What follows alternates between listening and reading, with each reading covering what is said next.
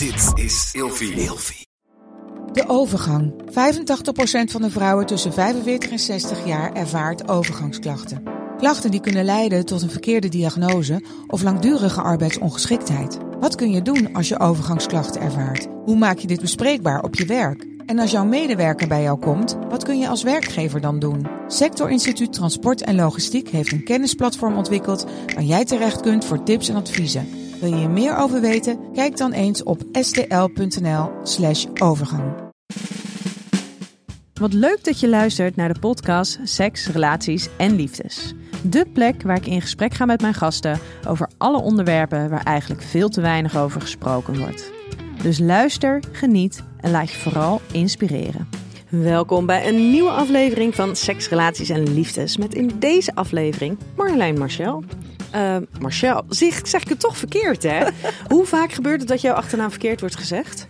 Hmm, het is of Marshall of Margot, maar Ja, ja, Marcel. yes. Welkom. Dankjewel. Fijn dat je er eh, bent. Hey Marjolein, jij bent lichaamsgericht en relatietherapeut. En werkt heel veel met thema's rondom seksualiteit, intimiteit en relaties.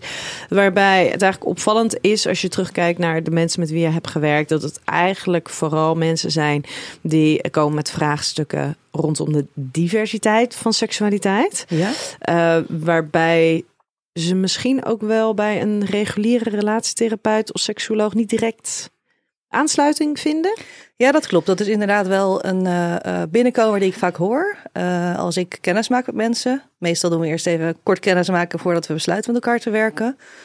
Hoor ik best vaak ehm, enigszins pijnlijke verhalen over reacties van of een psycholoog of een relatietherapeut die ja, zich eigenlijk niet zo goed raad weet met ehm, ja, issues die ze in willen brengen. Of eh, een opstelling waardoor ze eigenlijk al aanvoelen bepaalde dingen hier moet ik hier niet gaan benoemen, want dat voelt te precair. Ja, Ja. ja, en dat is zo zonde. Hè? Er zijn een aantal onderwerpen waarvan we, waarvan we weten, ook zeg maar als ja, binnen seksuologie en relatietherapieland, dat, ehm, dat er gewoon best wel wat, wat therapeuten zijn die daarmee worstelen. Ja. Eh, bijvoorbeeld BDSM Ja. is er daar eentje van. Er bestaat zelfs een BDSM-vriendelijke therapeutenlijst, zodat, Klopt, je, ja, zodat je daar naartoe kan.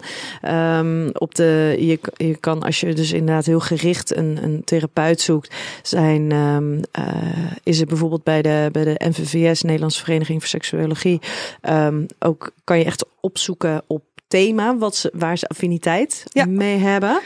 Dat zijn dan wel de mensen die dus eh, erkende opleidingen in Nederland hebben gedaan. Ik ben iemand die dat bijvoorbeeld niet heeft gedaan, want ik heb een, Engela- een eh, opleiding in Engeland gedaan. Dus ik sta al niet op die lijst, terwijl ik denk wel adequaat werk te leveren. Dus dat heeft ook weer zijn beperkingen. Maar Ja, het is wel heel fijn dat die lijsten er zijn. En misschien zelfs adequater. Ik eh, zal het over mezelf niet zeggen, maar ik zie wel dingen in opleidingen die ontbreken, die wel erkend zijn. En de opleiding die ik heb gedaan, ben ik heel blij dat er wel een aantal dingen in zaten. Was ook een bewuste keus ehm, die ik heel belangrijk vond, waaronder seksualiteit, dat onderdeel uitmaakt van de mix van relateren. Ja. Dus dat we het niet hebben over, goh, hoe gaat het tussen jullie met ruzie maken en weet ik veel.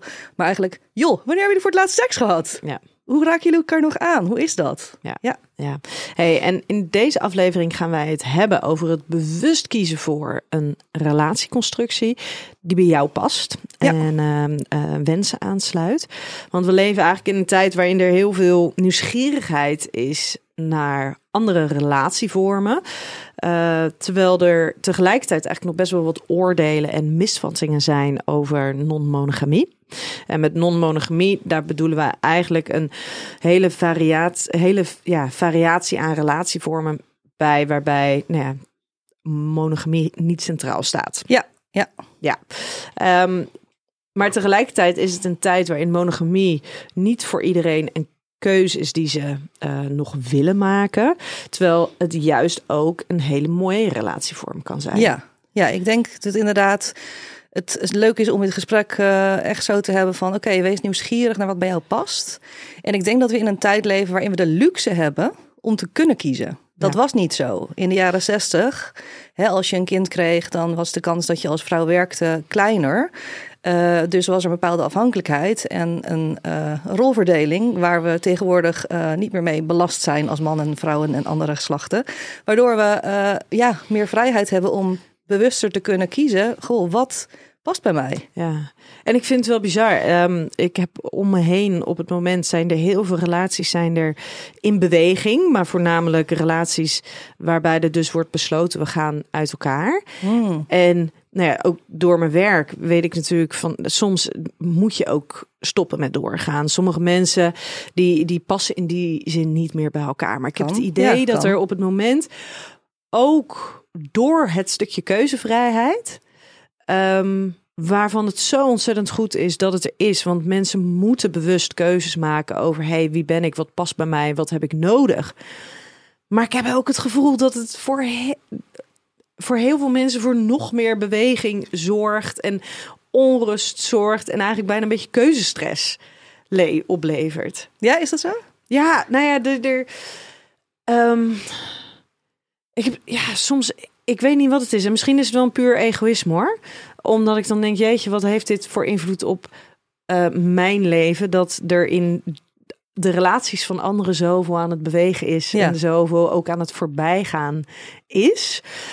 Ik Maar- denk ook dat het een leeftijd slash levensfase ding is. Hè? Dus ehm dertigers typisch gaan door een hele eh, beweging heen. Er komen kinderen of niet. Als er wel kinderen komen, zorgt het voor veel beweging. Best veel mensen die uit elkaar gaan met heel kleine kinderen. Eh, Co-ouderschap, hoe gaan we dat doen? Komen er nieuwe partners? Hoe gaan we die weer een eh, rol geven?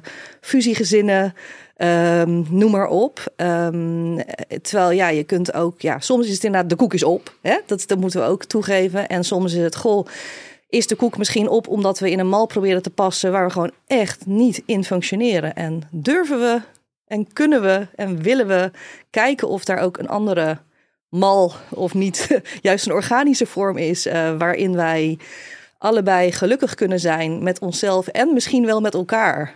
Ja. Ja. En zie jij dan wel eens gebeuren? Want ik, ik, ik merk dat ik hier de laatste week echt wel een beetje voor mezelf een soort van in aan het, nou ja, ik weet niet of het worstelen is, maar wel aan het afvragen ben van ja, maar is het dan puur egoïsme dat ik bang ben dat mijn leven en mijn relaties met die mensen veranderen? En dat zijn, dat zijn puur vriendschappelijke relaties, maar wel hele dierbare relaties. Voor, nou ja, vanuit mij tussen hun niet. Maar ehm, is het dan puur egoïsme dat ik daar dus dat ik daar moeite mee heb? Of is het gewoon een heleboel en heel veel? Of is het ehm, dat ik dan ook in mijn rol als relatietherapeut af en toe denk, ja, maar wat zijn jullie nou aan het doen? ja, ja, ja. Waarom willen jullie meer? Waarom willen jullie iets anders? Terwijl datgene wat er is zo, zo gaaf is, zo mooi is. Ja. ja, klinkt alsof je zelf eh, meningen en emoties hebt over andermans relaties. Ja, nee, ja, daarom. En eh, ja, ik, ik herken het wel. Ook zeker omdat ik, nou ja, ik ben al heel erg lang gefascineerd door seksualiteit. En wat voor rol dat ook speelt in, in menselijke verbinding. Eh, en ik denk, nee, ik denk niet. Ik voel en ik weet zeker dat het verschil tussen bepaalde vriendschappelijke en platonische banden en seksuele banden eh, heeft. Het heeft heel veel invloed als je ook. Bepaalde manier van aanraking in een relatie brengt of in een vriendschap die misschien een bepaalde vorm van relatie wordt brengt. Daardoor kunnen dingen heel verwarrend worden, ehm, maar ook heel mooi worden. Ehm, waar wil ik heen? Nou ja, goed, het is ook, je ziet dingen veranderen. Kan je, dat is wel een thema in mijn leven persoonlijk nu ook, kan je oké zijn met ongemak? Want dat is centraal in leven in het algemeen. Wordt het meteen een beetje filosofisch misschien, maar dat is ja, eh, relateren of nu monogamie is. Monogamie is soms super oncomfortabel. Want stel je vindt een collega leuk en je wordt daar verliefd. Maar je hebt een eh, overeenkomst dat je monogaam bent. Wat dan? Of hey, door de komst van kinderen of juist een heel andere levensfase. Mensen die in de 50 zijn komen bij mij met weer heel andere uitdagingen. Ja, mag het dan veranderen? Of kan ik zijn met het ongemak en kijken wat er ontstaat als ik daarbij blijf? En daar moet ik aan denken als jij zo vertelt, als je in de omgeving bent van mensen, eh, die, waarbij zoveel verandering speelt. Ik herken dat door mijn achtergrond. ja, dat heb je ook als relatietherapeut. Dan, ik zie dan een soort van systemisch soms hoe dingen verschuiven. En dan mondje dicht. Luister als vriendin. Gewoon horen wat speelt er bij deze mensen. En Zijn kunnen ongemak. verdragen dat je geen regie hebt over de situatie. Hoeft niet. Ja, hoeft helemaal niet. Ja. Ja. En ook juist daarmee mensen eh, ja, vragen van hoe kan ik er voor je zijn? Wat heb je nodig? En, Ja. en dat geldt voor elke vorm van relatie. En niet alleen maar wat heb ik nodig. Ja, als En- de fixer opkomt in je, dan weet je dat je het over jou gaat en niet over de ander. Ja, ja. ingewikkeld hè. Ingewikkeld. Gos. En dan zou je bijna. En dan, ja, en dan is het dan een positief iets dat je zoveel met relaties werkt. En dat je dat dus allemaal ziet en voelt en ervaart. Of is dat, werkt dat in dit soort situaties gewoon absoluut tegen je? En is het veel makkelijker om er gewoon te zijn voor een ander. Als je. Eh, als, je, ja, als, je, als je dat niet allemaal ziet gebeuren. Als je niet Ja. ziet, hey, systemisch. Voor mezelf, hè, ik merk wel dat ik het ontzettend fijn vind dat ik wel deze kennis heb. En ook al, is het, al zou het niet mijn beroep zijn, ik ben er langer in geïnteresseerd. Ik lees graag boeken over relateren, over psychologie, ook over spiritualiteit. Meer dan alleen het wetenschappelijke. Ik ben erg wetenschappelijk ingestoken, maar kijk graag ook ruimer. En allerlei vaardigheden en emoties rond, zeg maar, vaardigheden rond emoties begrijpen. Bijvoorbeeld omgaan met angst, die we allemaal hebben, ook al voel je het niet. Je maakt angst mee in je leven. Eh, dat zijn skills waar ik natuurlijk in mijn werk gebruik van maak, maar in mijn eigen leven zoveel mee kan. Ik voel, ik bedoel, controle is een illusie, dus daar streef ik niet naar. Maar wel eerder mezelf kunnen eh, dragen, reguleren. Eh, in mijn praktijk eh, gebruik ik ook veel kennis van zenuwstelsel. En daarmee bedoel ik in je lichaam voelen in welke stand je zit. Dus opmerken Ja, wanneer je de richting... Ja. Ik zag dat je Ja. dat inderdaad had gedaan. Ik wilde dat ook gaan Ja. doen. Super tof. Ja, dus kijken wanneer je, hè, wanneer je vechten of vluchten of bevriezen symptomen begint te vertonen. En daarnaar kijken met heel veel compassie, zelfcompassie. Van hé, hey, wat gebeurt hier nu eigenlijk? Oh, wauw, ik wil, ik wil eigenlijk weg hier. hey. En dat zien als hé, hey, dat is een primaire biologische reactie, een overlevingsstand die aangaat. Welke behoefte ligt hieronder? En dit zeg ik niet als therapeut, dit zeg ik als mens. Want dit, deze vragen stel ik mijzelf. Hè? Ja. Dus terwijl ik hier ga zitten net met jou, check ik ook bij mezelf in. Hey, hoe is mijn hartslag? Kan ik mijn voeten voelen op de grond en mijn billen in de stoel? Oh ja, ik ben nu hier. That's it. Ja, ja. Ja. Nee, maar dat is natuurlijk inherent aan de kennis hebben en de ervaringen hebben die je hebt, dat je het op jezelf kan toepassen. En dat is wel een luxe, Ehm. vind ik. Ik geniet ervan dat ik het kan toepassen. In mijn eigen leven ook. Ja, Ja. ja, ja. dat snap ik absoluut. Hey, ehm, ik heb jou gevraagd om vijf woorden te bedenken die voor jou gaan over seks, relaties en liefdes. Welke zijn dat geworden? Ja, de eerste die er, die er bij mij wel omhoog komt is verlangen. Eh, en ik, dat is ook een spreuk die, die centraal staat op mijn website. Alles begint bij verlangen. En dan bedoel ik niet seks. Dan bedoel ik verlangen in een bredere zin des, eh, des woords. Ehm, als je in staat bent om echt goed contact met jezelf te hebben en te voelen van wat is het dat ik wil? Echt de vraag, wat wil ik eigenlijk? En dat kan gaan over werk, dat gaan, kan gaan over relaties, dat kan gaan over seks, aanraking. eh, echt voelen bij jezelf, wat is mijn verlangen in dit moment? En eh, kan ik daar iets mee? En dat verlangen kan niet altijd en hoeft niet altijd vervuld te worden, maar in contact zijn met echt je verlangen. Dit is wat ik wil. Dat en daarvoor gaan staan. Ehm, dat vind ik echt een eh game changer. Ja. Heb je dat altijd gekund of is dat... Nee, Ja. En daarom eh, is het denk ik ook op een gegeven moment een, eh, ja, voor mij zo'n eye-opener geweest. En herken ik dat dat voor veel mensen een eye-opener of een sleutel kan zijn om te komen bij keuzes maken. Veel mensen hè, die komen toch aan, ja, ik voel dit, maar ik denk dat, wat moet ik nou?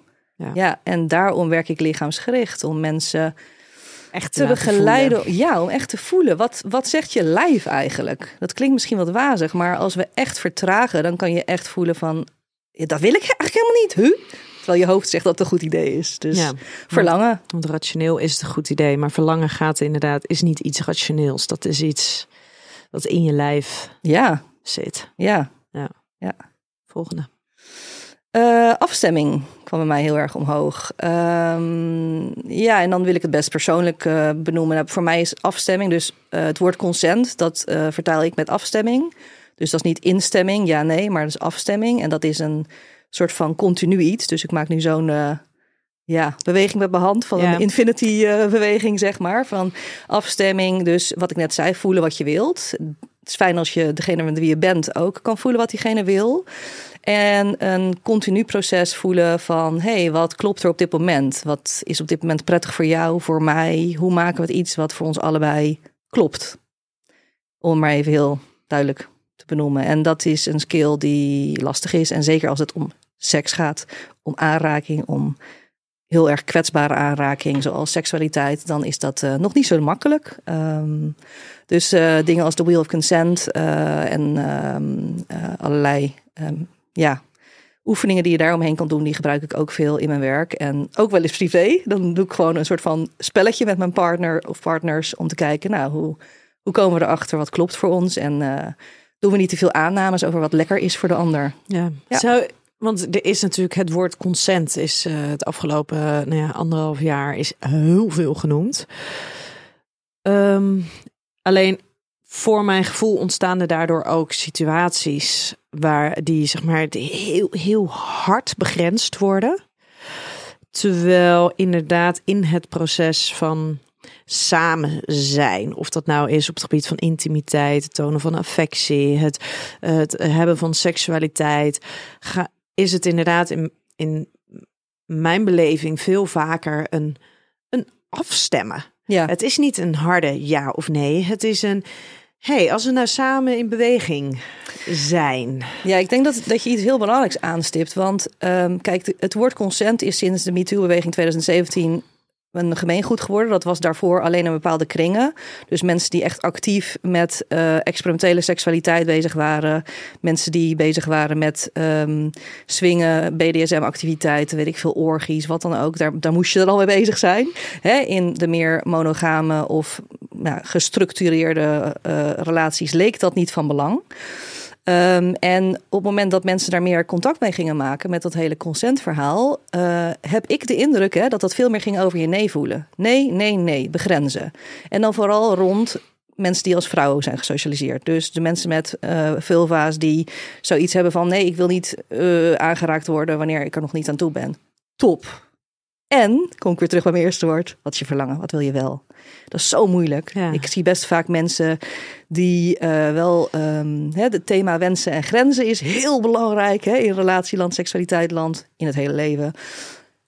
Veel mensen weten beter wat ze niet willen ja. dan wat ze wel willen. En dat is dus inderdaad, consent gaat dus heel erg over begrenzen in plaats van um, toestemming geven. Het gaat heel vaak over de ja, uh, over de nee. Mm -hmm. Dit wil ik niet. In plaats van dit is wat ik wil. Ja, want als iemand aan jou vraagt, wanneer je dus luisteraar voel je aangesproken, als iemand aan jou vraagt van goh, waar heb je zin in, wat vind je lekker? Wie bevriest er niet? Ja. wat? Huh? Oh, is, er een, is er een meer keuzemenu hier? Ja, Want, moet, wat bedoel je? iets gaan zeggen en dat moet er ergens op slaan ook. Ja, ja, ja. En ik vind het heel mooi om op zo'n moment te pauzeren en te voelen, oh, hmm, wat komt er me op op dit moment? en dat kan letterlijk vijf minuten later iets anders zijn. Dat heb ik in mijn eigen seksuele leven ook wel eens. Dan is dat vijf minuten later iets anders. Leek een leuk idee. Ik heb eigenlijk meer daar zin in. Heb je zin om mee te bewegen of niet? Ja. ja. ja. Maar dan gaat het dus inderdaad wel op afstemmen. Afstemmen op jezelf. Ja. Uh, dus wat eerst een ja was, mag een nee worden. Maar ook wat eerst een nee was, mag een ja worden. Absoluut, absoluut. En, en, en dus inderdaad afstemmen op elkaar op het moment in plaats van die harde grens. Ja. Ja. ja. volgende. Uh, kwetsbaarheid komt nu in me op. Dus dat lees ik ook weer niet van een lijstje op, maar dat is echt wel iets wat ik uh, in mijn praktijk veel langs zie komen. Um, om echt intiem te kunnen zijn, in welke vlak dan ook. Of dat nu uh, vriendschappelijk of seksueel is, relaties in het algemeen. Ja, contact maken met kwetsbaarheid en durven te realiseren dat controle een illusie is. Durven ja, los te laten en te accepteren dat wat gebeurt, gebeurt. Je kunt dingen niet sturen waarheen je het precies wilt hebben. Wat zie jij als kwetsbaarheid? Um, daar zijn een heleboel ingrediënten die dat maken, denk ik. Dat gaat over en in contact zijn met jezelf. Dus je eigen gevoel durven voelen en durven tonen en benoemen. Uh, openheid dus daarover. Um, en uh, een andere beweging, namelijk stoppen met jezelf beschermen. Dat is ook een actieve beweging die je moet maken. Want uh, best veel mensen die ik ook zie, uh, nou ja, bijvoorbeeld die bepaalde mensen die bijvoorbeeld wel uh, een orgasme kunnen hebben met solo seks en niet met een partner, daar speelt een vorm van zelfbescherming ook een rol vaak. maar dat is dan een extreem tussen aanhalingstekens voorbeeld, maar dat gaat ook over durf ik mijn hart voor jou open te stellen. En, en zie jij daar dan nog, en dat is even puur nieuwsgierigheid hoor, maar zie jij daar dan um,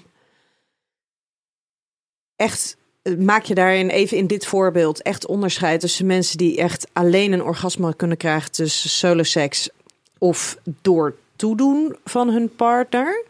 Uh, of mag je, um, mag je ook zelf of überhaupt in de aanwezigheid van een partner?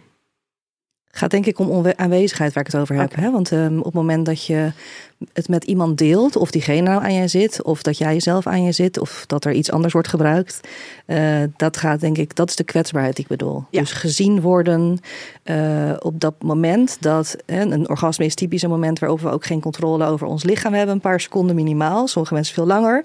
Hè? Dus in bijzijn van een ander dat durven doen, zou ik als een bijzonder kwetsbaar iets willen bestempelen. Ja, ja. dus inderdaad Um, want dat is het, als je het hebt over, over niet kunnen klaarkomen.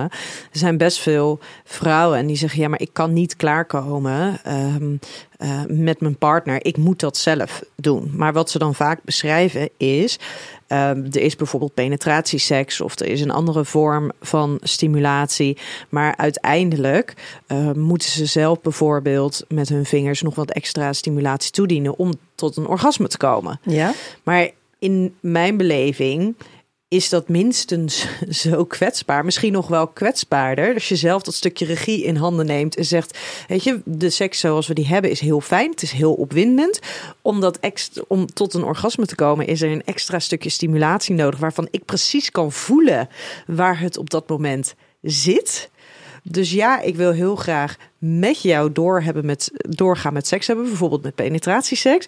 Maar ik stimuleer mezelf ook nog een beetje. Ja, ja dan komen er bij mij meteen verschillende associaties op. Eén, ehm, de aanname dat penetratieseks het hoogste goed is. Um, maar het kan ook gewoon lekker zijn. Precies. Um, en je kunt ook dan tijdens die penetratie een orgasme willen hebben. En dat inderdaad kan het fijn zijn om het zelf te doen. Je kunt ook, als je genoeg geduld hebt en je partner ook, je partner leren wat die aanraking precies inhoudt. En dat is veel oefenen om dan te dat de andere partner ook leert, oh, hoe beweeg jij dan je vingers? Is er een positie waarin we dat kunnen doen dat ik dat rustig kan doen? Um, dus dat kan op verschillende manieren denk ik gedeeld worden. Um, en um, ja, het is inderdaad waar ligt je wens. Als je graag een orgasme hebt tijdens penetratieseks, dan vraagt dat weer heel specifieke dingen.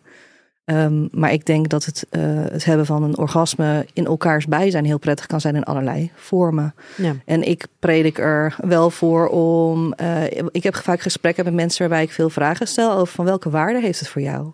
Omdat ik daar geen aannames over doe. Maar ik probeer ook mensen wel de vragen te stellen waarbij ze erachter komen, doe ik aannames over hoe, hoe, seks hoort te zijn.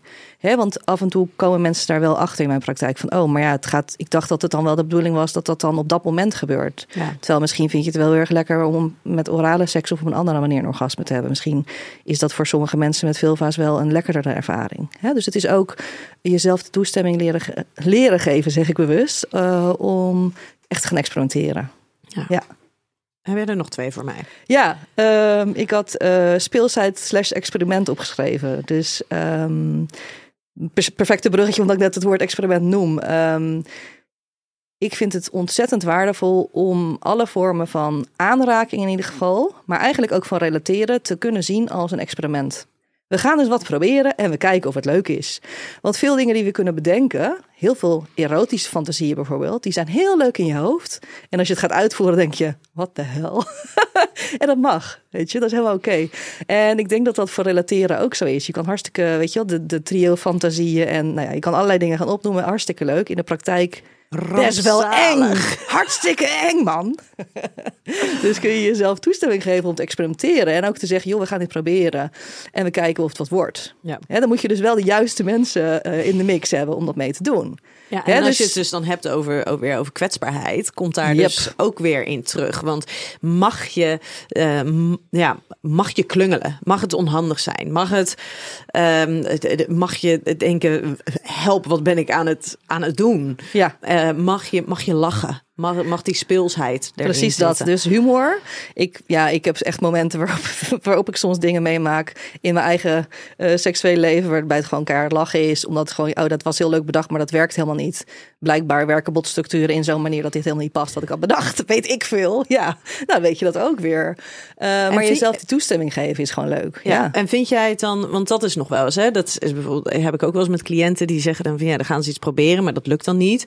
Of die zeggen ja, dan moeten we heel hard, eh, dan moeten we heel hard lachen. Of dan staan we elkaar aan te kijken van ja, eh, eh, wat zijn we nou aan het doen? Maar vind jij het, vind jij het belangrijk of heb jij daar ideeën over? Moet, moet je daarna weer die opwinding opzoeken? Of mag je dan ook gewoon zeggen, eh, nou we hebben het geprobeerd. Is voor nu even niet gelukt. We ronden hem gewoon af. En nou ja, we pakken hem een volgende keer weer op. Ik zou daar geen advies over geven over anderen. Ik zou, als het cliënten zijn, vragen stellen over wat gebeurt er op dat moment. Wat is het gevoel van verbinding wat je hebt? Wat is op dat moment je behoefte? Kun je inchecken wat op dat moment je opvindingsniveau is?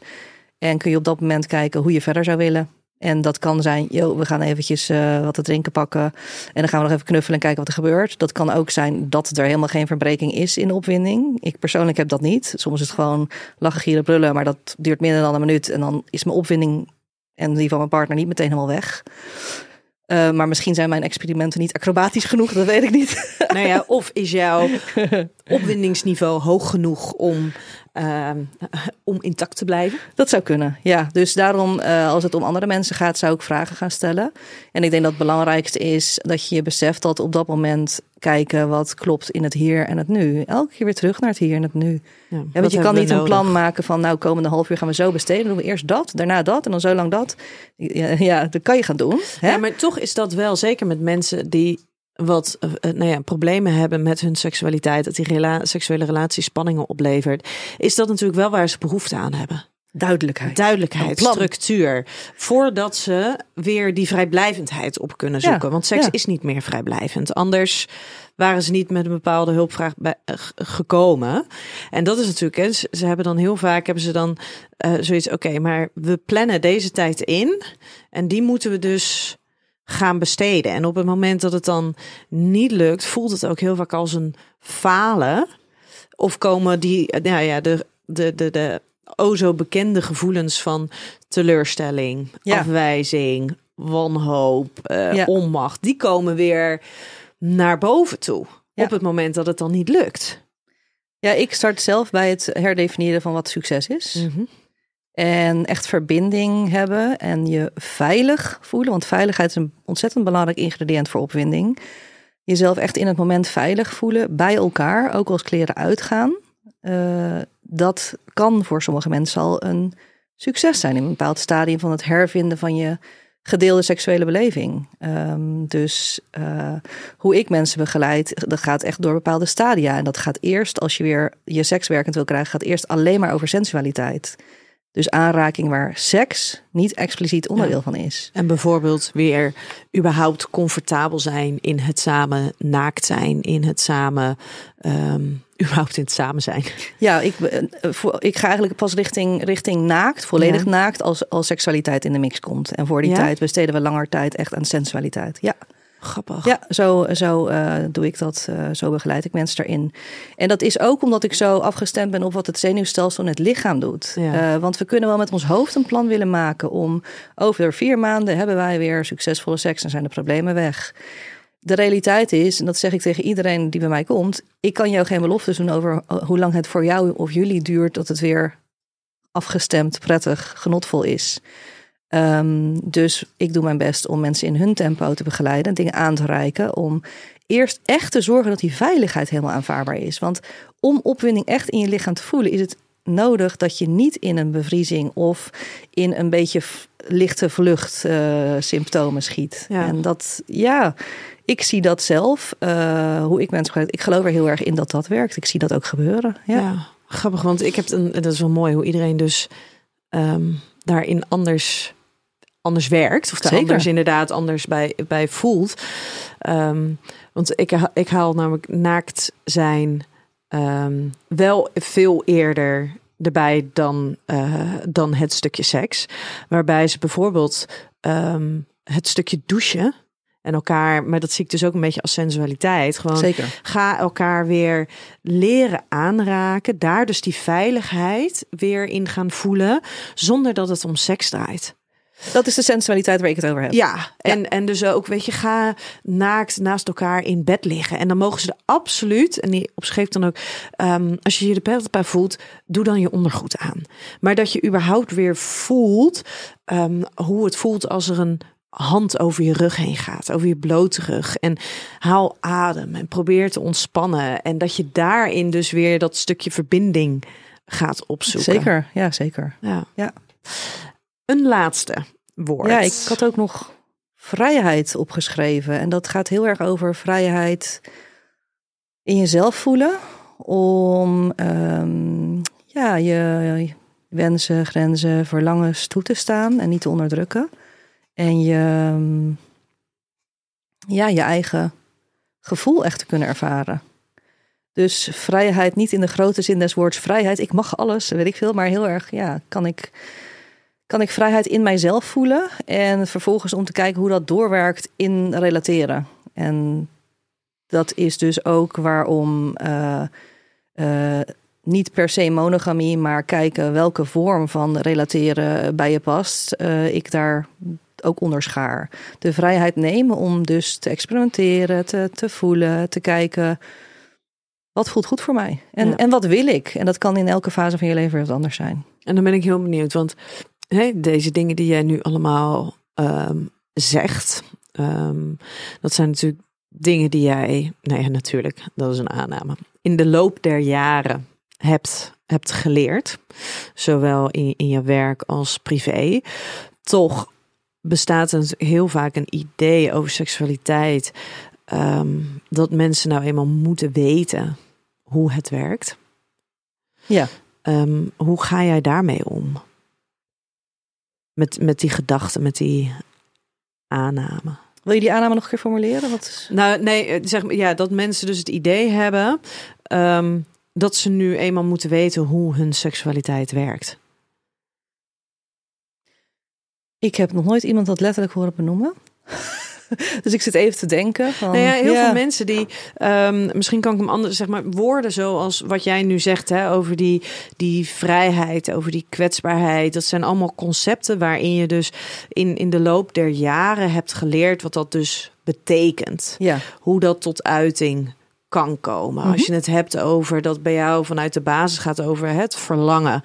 Um, daarvan zei je ook dat is niet altijd zo geweest. Dat is iets wat je bent gaan leren. Dus dat ja. toont al aan. Dit is een, een proces wat in beweging is. Terwijl heel veel mensen die ik tegenkom. Um, als jij dit soort gesprekken met ze voert, is allemaal nieuwe informatie. Hebben ze allemaal nog nooit gehoord hebben ze nog nooit zich in verdiept, nog nooit bedacht. Kennelijk is er meer dan hoe ik mijn seksualiteit nu ken. Ja. Mm -hmm. Wat, wat, wat, wat, ja, want jij zegt net van nou, ik heb het, het enige nooit woord iemand... wat nu in me opkomt is, is... nieuwsgierigheid. Mhm. Mm -hmm. Een van de belangrijkste ingrediënten voor hoe ik relateer, werk, leef, is nieuwsgierigheid. En nieuwsgierigheid... Dus wat ik voorleef is eigenlijk um, geen aannames doen. Daar ben ik heel erg mee bezig. Um, en um, mensen dus vragen stellen, open vragen. Hoe is dat dan voor jou? En soms, heel vaak eigenlijk, moet ik eerlijk zeggen, zowel privé als in mijn werkend leven, stel ik een vraag waarbij mensen zeggen: Huh, daar heb ik nog nooit over nagedacht. Precies, nou dat. Dus het begint bij een vraagteken plaatsen. En mijn bedoeling is niet om mensen hun mind compleet op te blazen, maar wel om even tok tok, even die deur op een keertje zetten. Nou, kijk maar, is dit voor jou nog kloppend? Ja, ja, maar dat is wel, dat is dus eigenlijk zit een beetje de, de, de, de kunst, de kracht van het niet weten. Absoluut. En dat die nieuwsgierigheid je in beweging houdt. Ja, dus op het moment dat jij uh, denkt, ik weet hoe het werkt, hoeveel nieuwsgierigheid is er? Hoeveel ja. speelsheid is er? Hoeveel experiment is er? En toch, en dan ben ik benieuwd of, of je dat wel herkent, dat mensen, heel veel mensen weten hoe het werkt. Heel veel mensen nemen aan te weten hoe hun partner werkt, wat mm -hmm. hun partner nodig heeft. Ik moet een beetje hoe... lachen terwijl je dat dan zegt, zeg maar. Ik, word door, ik voel in mijn lichaam een soort ongemak komen, dat ik een beetje ja. wil giebelen, zo van, ja, dat denk je. Ja, precies, dat ja. denk je. Ja. Ja, Ja, ja. maar dat niet weten, dat, dat, dat zou zo mooi zijn. Als dat dus eigenlijk de basis wordt van eh, seksuele ontwikkeling. Van, Ja, en dan kom ik misschien weer even terug bij wat ik een tijdje eerder zei. En iets wat heel aanwezig is in mijn eigen leven en ook in mijn praktijk, is het zijn met ongemak. Ja. Zijn met ongemak. Echt, terwijl je dat zegt, voel ik dat weer. Van ja, om dat aan te gaan, dat vraagt superveel lef en moed. Dus als je er niet aan toe bent, doe het lekker niet. Hou het even lekker gewoon voor wat het is. Er zijn ook fases Doe in je leven dat er al genoeg gebeurt in je leven. Dat, weet je, don't touch it. Laat het even lekker voor wat het is. Maar er zijn ook momenten in je leven waarop je ruimte gaat voelen. Hey, ik wil wel wat onderzoeken. En dat zijn in ieder geval de momenten waarop mensen bij mij binnenkomen. Of er is een relatiecrisis, of het is een individu die voor zichzelf eens even duidelijker wil krijgen. Ik loop vast, ik stagneer. Wat wil ik eigenlijk? Ja, wat Hoe zijn kom de mogelijkheden? Ja, Ja. ja. Hey, ik heb voor jou eh, de vijf kutkeuzes. Shit. Eh, intimiteit of seksualiteit? Intimiteit. Nooit meer seks of nooit meer een relatie? Nooit meer seks. Andere mensen helpen met hun seksualiteit of zelf bezig zijn met je eigen seksualiteit? Eerst mijn eigen seksualiteit. Porno kijken of fantaseren? Fantaseren.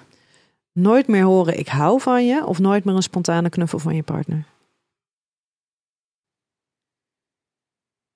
Eh, het is wel echt een hele lastige. Ik zit te kijken, wat is het meest mijn love language, zoals ze dan zeggen. Eh, ik denk dan toch dat ik de knuffels belangrijker vind dan de woorden. Ja. Hey, we hadden eh, gezegd, we gaan dus even een klein ehm, ehm, ABC'tje doen. Want als je het hebt over non-monogamie, heel veel mensen die roepen dan, oh, heb je dan een open ehm, relatie?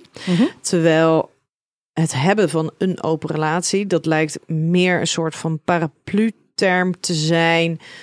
Dat het in ieder geval er geen sprake is van monogamie. Terwijl aan de andere kant, als je puur refereert naar het hebben van een open relatie, dan ehm, ja, hebben mensen daar toch ook wel weer ideeën over. Dus dachten, nou, laten we in ieder geval eens eventjes een paar woorden langslopen. ehm, om even in een, in een zin of twee aan te geven, wat, wat is dit? En dan is het natuurlijk in principe zo dat iedereen's definitie mag een beetje, nou ja, die mag je zelf een beetje invulling geven. Ehm, maar er zijn natuurlijk wel echt verschillen tussen de verschillende ehm, termen Zeker. en relatievormen. Ja. Ehm, nou ja, laten we eens eerst beginnen bij eh, monogamie.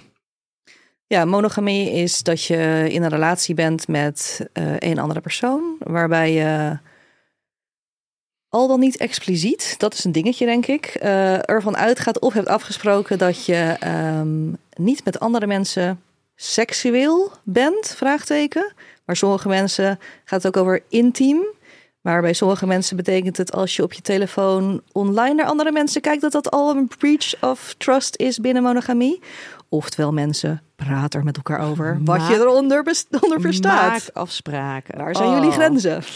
Nou, en dat is inderdaad denk ik wel een hele belangrijke. Want ehm, bij monogamie, men gaat ervan uit, je zit in een monogame relatie. Punt. Maar wat is dat? Ja. Weet je, mag je flirten met ehm, gewoon in woorden, in een, in een knipoog geven met een collega? Ben je dan nog steeds monogaam? Of zie je dat inderdaad al als, oh, er zijn meer, er zijn meer vrijheden, want we geven elkaar de ruimte om dat te mogen doen. Mag je met iemand eh, appen en daar naar dan wel een beetje emotionele relatie of contacten mee aangaan? Of, of mag dat niet? En dat is zo, zo essentieel. Dus waar ligt dan de grens? En dat ligt misschien gelijk aan het begrip. eh, kom je, ja, het ligt verbonden met het begrip vreemd gaan. Weet je, waar ligt daar die grens? Ja, en ik denk dat het gaat altijd uiteindelijk om een vertrouwensbreuk en om angst die daarbij komt kijken. En vertrouwen, eh, wat is ook weer de uitspraak van het komt te voet en het gaat te paard. Dat geldt daar wel voor echt voor. Ik bedoel, vertrouwen opbouwen duurt een tijd. Als eenmaal dat vertrouwen is verbroken, dat zie ik in mijn praktijk ontzettend dat het heel erg lang duurt voordat dat weer is opgebouwd. Dus wat mij betreft, eh, ik wil een lans breken voor alle eh, vormen van relatie die je hebt, eh, waarbij bijvoorbeeld ook seksualiteit en intimiteit komt kijken. Heb het eens met elkaar over wat is je overeenkomst. Oftewel, waar liggen voor jou die grenzen en waar voor mij? En dan, huh? Oh, is dat voor jou dat? Nou, oké. Kan ik daar wel of niet comfortabel mee zijn? Dus maak een overeenkomst in plaats van aannames. Ja. En dat geldt Ja. wel, werkelijke, elke vorm die we zo meteen gaan bespreken. Wees daarover expliciet. En denk niet, want dat denken veel monogame mensen die nog niet heel langer over na hebben gedacht, dat dat in een monogame relatie niet nodig is. En op het moment dat je een vorm van non-monogamie gaat uh, beoefenen, dat je dan ineens ellenlange ingewikkelde gesprekken moet hebben die niet nodig zijn in een monogame relatie. Want eigenlijk moet je ze in een monogame relatie ook wel hebben. Ja, als Want ik kan niet liegen over het feit dat als je non-monogaam bent, moet je veel met elkaar lullen. Ja. en, en is het essentieel, dat valt of staat met de communicatie. Um, maar dat is in principe in een monogame relatie natuurlijk ook. Als je het goed wil doen wel. Ja. ja. Oké, dus dan hebben we een monogame relatie. En daarin is dus eigenlijk inderdaad de overeenkomst is... Um, er zijn twee partners die exclusief zijn in hun... Um, nou ja, volgens afspraak emotionele intieme, Precies. seksuele contacten die ze aangaan. Oké. Ehm, dan hebben we, uh, de, de, de, uh, nou ja, dat is grappig, ja. Een latrelatie. Ik was even aan het kijken, wat zijn nou termen die dan in relatievormen besproken worden. Um, een latrelatie. Wat is in jouw definitie een latrelatie? mensen in een relatie die niet op hetzelfde adres wonen. Maar dat zegt niks over monogamie en non-monogamie. Dus voor mij stond hij niet in mijn lijstje mhm. van relatievormen. Het is alleen een kwestie van locatie. Ja. Je kan monogaam zijn, je kan superpoly zijn, je kan super single zijn. Ja. Doet het iets af aan de serieusheid van je relatie? Als je lat? Ja. Nee, ik lat al vijf jaar, gaat top. Heel fijn. Hartstikke lekker. Hartstikke lekker. Kan ik iedereen aanraden. ja, dat vind ik wel grappig. Als je dan uh, mensen die dus op latere leeftijd, die bijvoorbeeld uit een eerdere, eerdere huwelijk kwamen of langdurige relatie en dan vervolgens daarna weer relaties aangaan, um, dat daar heel vaak zo'n lat-element in zit. Omdat mhm. ze dus het heerlijk vinden om hun inmiddels verworven vrijheid, om die ook te behouden. Ja, ja of om, um, uh, voor mij is het ook een bewuste keuze maken in mijn leven voor de momenten dat ik dus met een partner, dat ik had het over een specifieke partner, maar met een partner doorbreng, uh, dat um, op het moment dat we bij elkaar zijn, is dat dus uh, designated tijd samen. En dan laat ik andere dingen uit mijn handen vallen. Dus dat zijn um, blokken tijd. Die zijn niet oneindig helaas. Want als je samen woont, dan lijkt dat oneindig. Maar is dat denk ik ook niet zo. Um, maar dat zijn wel momenten waarop er bewust uh, de laptop blijft dicht. En de telefoon gaat op stil. En dan is het gewoon echt quality time. Dus ik zie eigenlijk heel erg veel voordelen. Ja, uh, eigenlijk zou ook iedereen die er samen woont, zou dit moeten doen. Even een paar maanden, even kijken hoe het is. Ja. Um, een open relatie. Ja, een open relatie. Wat, hoe zou ik dat omschrijven? Ik denk um, een relatie waarbij je duidelijk een primaire partner hebt. Dus bijvoorbeeld iemand met, wie je nesting partner is een term. Met degene met wie je een huishouden deelt op hetzelfde adres bijvoorbeeld. Uh, waarbij je afspraken maakt dat je begrenst met andere mensen dingen mag. En begrenst, de ene uh, open relatie zegt je mag, uh, met allemaal, je mag met één of meerdere mensen seks hebben. of um, weet ik veel daten of whatever. Je, iemand, uh, je mag tongen met mensen, hartstikke leuk, maar dat houdt daar op. Dus, dus begrenzing. Um, en begrenzing kan ook zijn in emotioneel contact. Dus dat kan zijn, nou, als jij uh, elk weekend met iemand in een hotel allerlei spannende seksuele dingen wil doen, prima. Maar als er maar geen gevoelens bij komen kijken. Ja, en dan ik denk altijd dat dat niet zo'n goede afspraak is, maar dat, dat kan. Voor sommige mensen werkt het misschien. ja. ja.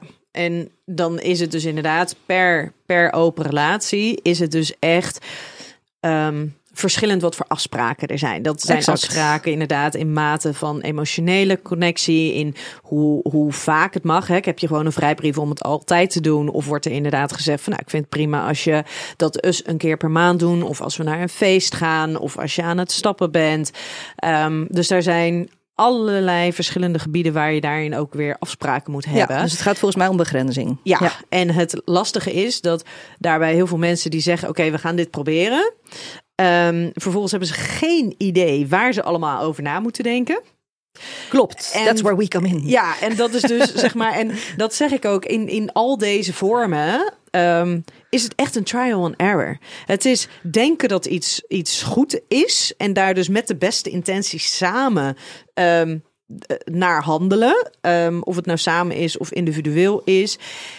En vervolgens voelen ben ik hier eigenlijk wel oké mee? Ja, en klopt het nog? En klopt het nog? Is dit echt wat ik wil? Want je kan van tevoren wel denken: ja, ik wil een vrijbrief hebben om op elk feest waar ik kom met alles en iedereen te flirten en eventueel mee naar huis te gaan. En vervolgens doe je dat een keertje en denk je: maar dit is helemaal niet dit is helemaal niet wat ik wil. Zeker. Ik denk dat in alle vormen die we bespreken uiteindelijk de rode draad is. Het kan veranderen en het verandert. Ja, en- Zelfs als je een langdurige een non-monogame relatie hebt, dus of dat nu polyamorie is of open of wat dan ook. eh, bij de meeste mensen, eigenlijk is het goed om elke zoveel maanden weer eventjes de orde op zaken te stellen. Past dit nog de, de afspraken die we hebben gemaakt bij hoe we nu in ons vel zitten? Ja. Ja, dus, want als je een periode in je leven hebt waarop je bijvoorbeeld je baan gaat kut, eh, je hebt een ziek kind waar je allebei voor probeert te zorgen, de een heeft er meer stress van dan de ander, et cetera.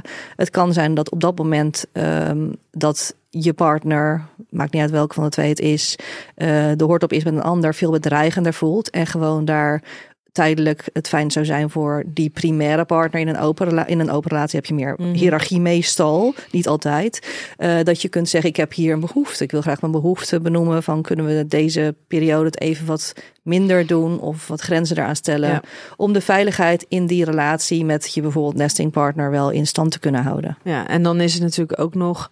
Ehm, wat ik altijd wel interessant vind, is dat vaak wordt dan zo'n. De, de regels worden gemaakt, de behoeftes ehm, lijken op elkaar te moeten worden afgestemd. Terwijl de een mag behoefte hebben aan, weet je, die mag juist uit die vrijheid, uit die openheid, mag die juist het, het flirten leuk vinden, de spanning, de opbouw, maar heeft helemaal geen behoefte om daadwerkelijk fysiek met iemand af te spreken. Terwijl de ander vindt het veel fijner om bijvoorbeeld een bepaalde seksuele voorkeur die niet met de, met, met, met de primaire partner wordt gedeeld, om die met anderen eh, te kunnen delen. Dus daar kan natuurlijk een verschil in behoefte zijn. En, die behoefteverschil is denk ik nog extremer. Want het kan ook zo zijn dat maar een van de twee partners behoefte heeft om een open relatie te hebben. En dat de ander zich veilig genoeg in die relatie voelt.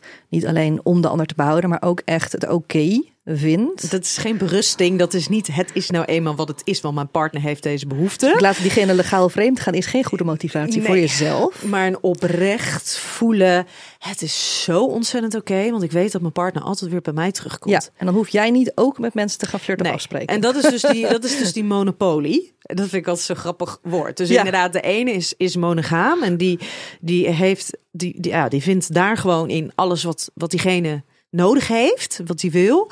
Terwijl de ander de ruimte kan krijgen om dienstbehoeften eh, ook, ook te vervullen. Ja, en dat woord monopolie kun je ervoor gebruiken, maar ik denk open relatie gelden diezelfde dingen voor. En het verschil tussen open relateren en polyamorie.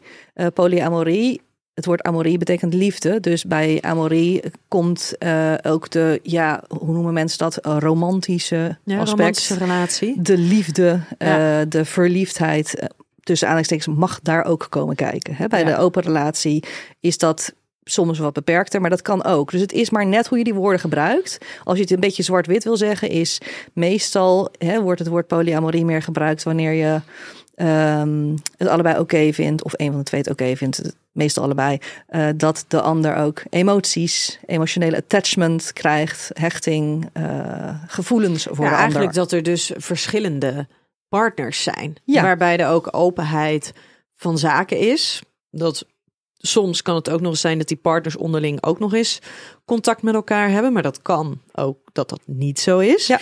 Maar dan ben ik benieuwd, hè? want in het voorbeeld net, want het gaat inderdaad over dan weer over afstemmen, over ehm, van hé, hey, we geven nu. Eh, hebben we deze periode bepaald van hé, hey, daar is wel ruimte voor anderen. Eh, bijvoorbeeld door omstandigheden heeft een van beiden die behoefte wat minder. Dus dan eh, wordt er, nou ja, wordt er aangegeven, wordt er besproken van hey, is het een optie om dat wat minder te doen? Kunnen we daar afspraken over maken? Maar dan ben ik benieuwd.